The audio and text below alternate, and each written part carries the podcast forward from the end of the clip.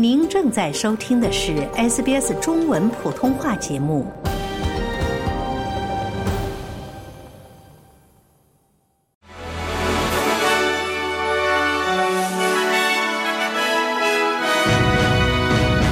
听众朋友您好，我是 SBS 记者刘俊杰。今天是二零二三年十一月十七号，星期五。本期 SBS 新闻快报的主要内容有。APEC 峰会讨论澳洲成为地区可再生能源超级大国愿景，全国数以千计的学生举行抗议，呼吁采取行动应对气候变化。Optus 服务中断期间，有数百通紧急电话无法拨通。以下为详细内容：在加利福尼亚举行的亚太经济合作组织 APEC 领导人峰会期间，阿尔巴尼斯总理与世界主要领导人举行了双边会晤。论坛的主要重点是可持续性、气候变化和向清洁能源过渡。参加论坛的国家包括美国、中国、加拿大、日本和印度尼西亚等国。阿尔巴尼斯总理表示，亚太经合组织提供了一个加强地区和经济联系的机会，这些联系对澳大利亚的贸易、工业和就业尤为重要。There's an opportunity to talk about.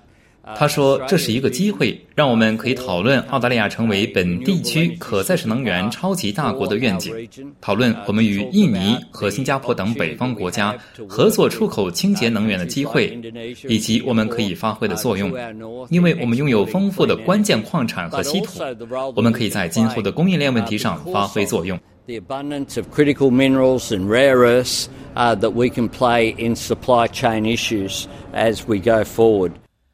数以千计的学生在全国各地集会抗议，联邦政府在一年内批准了九个化石燃料项目，并向该行业提供了九十亿澳元的补贴。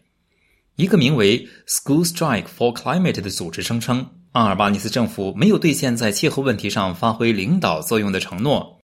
这是他们的首次全国性气候问题抗议活动。悉尼的学生们聚集在联邦环境部长谭雅普林波塞克的办公室外进行抗议。从十一岁的孩子到祖父母，他们传递的总体信息反映了对政府在应对气候变化方面缺乏行动的失望。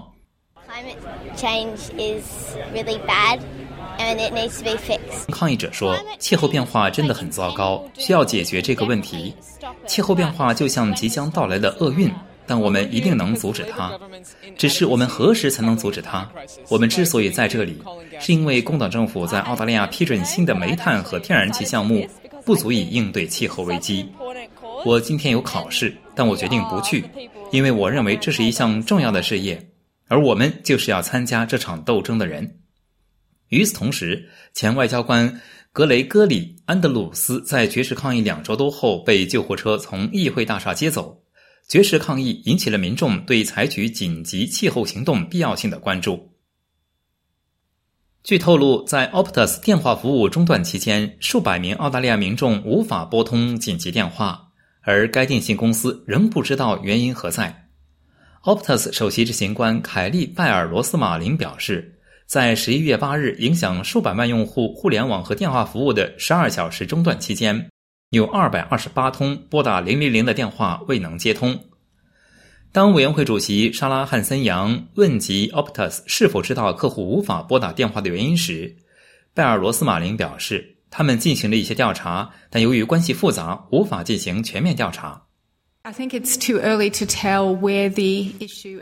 罗斯马林说：“我认为现在说问题究竟出在哪里还为时过早。”汉森杨问：“所以你认为是别人的错？”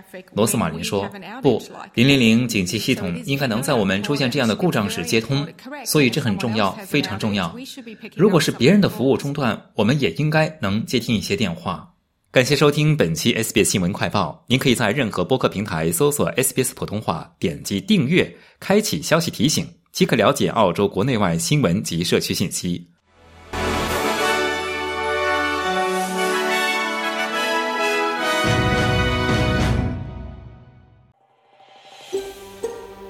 想听到更多这样的故事吗？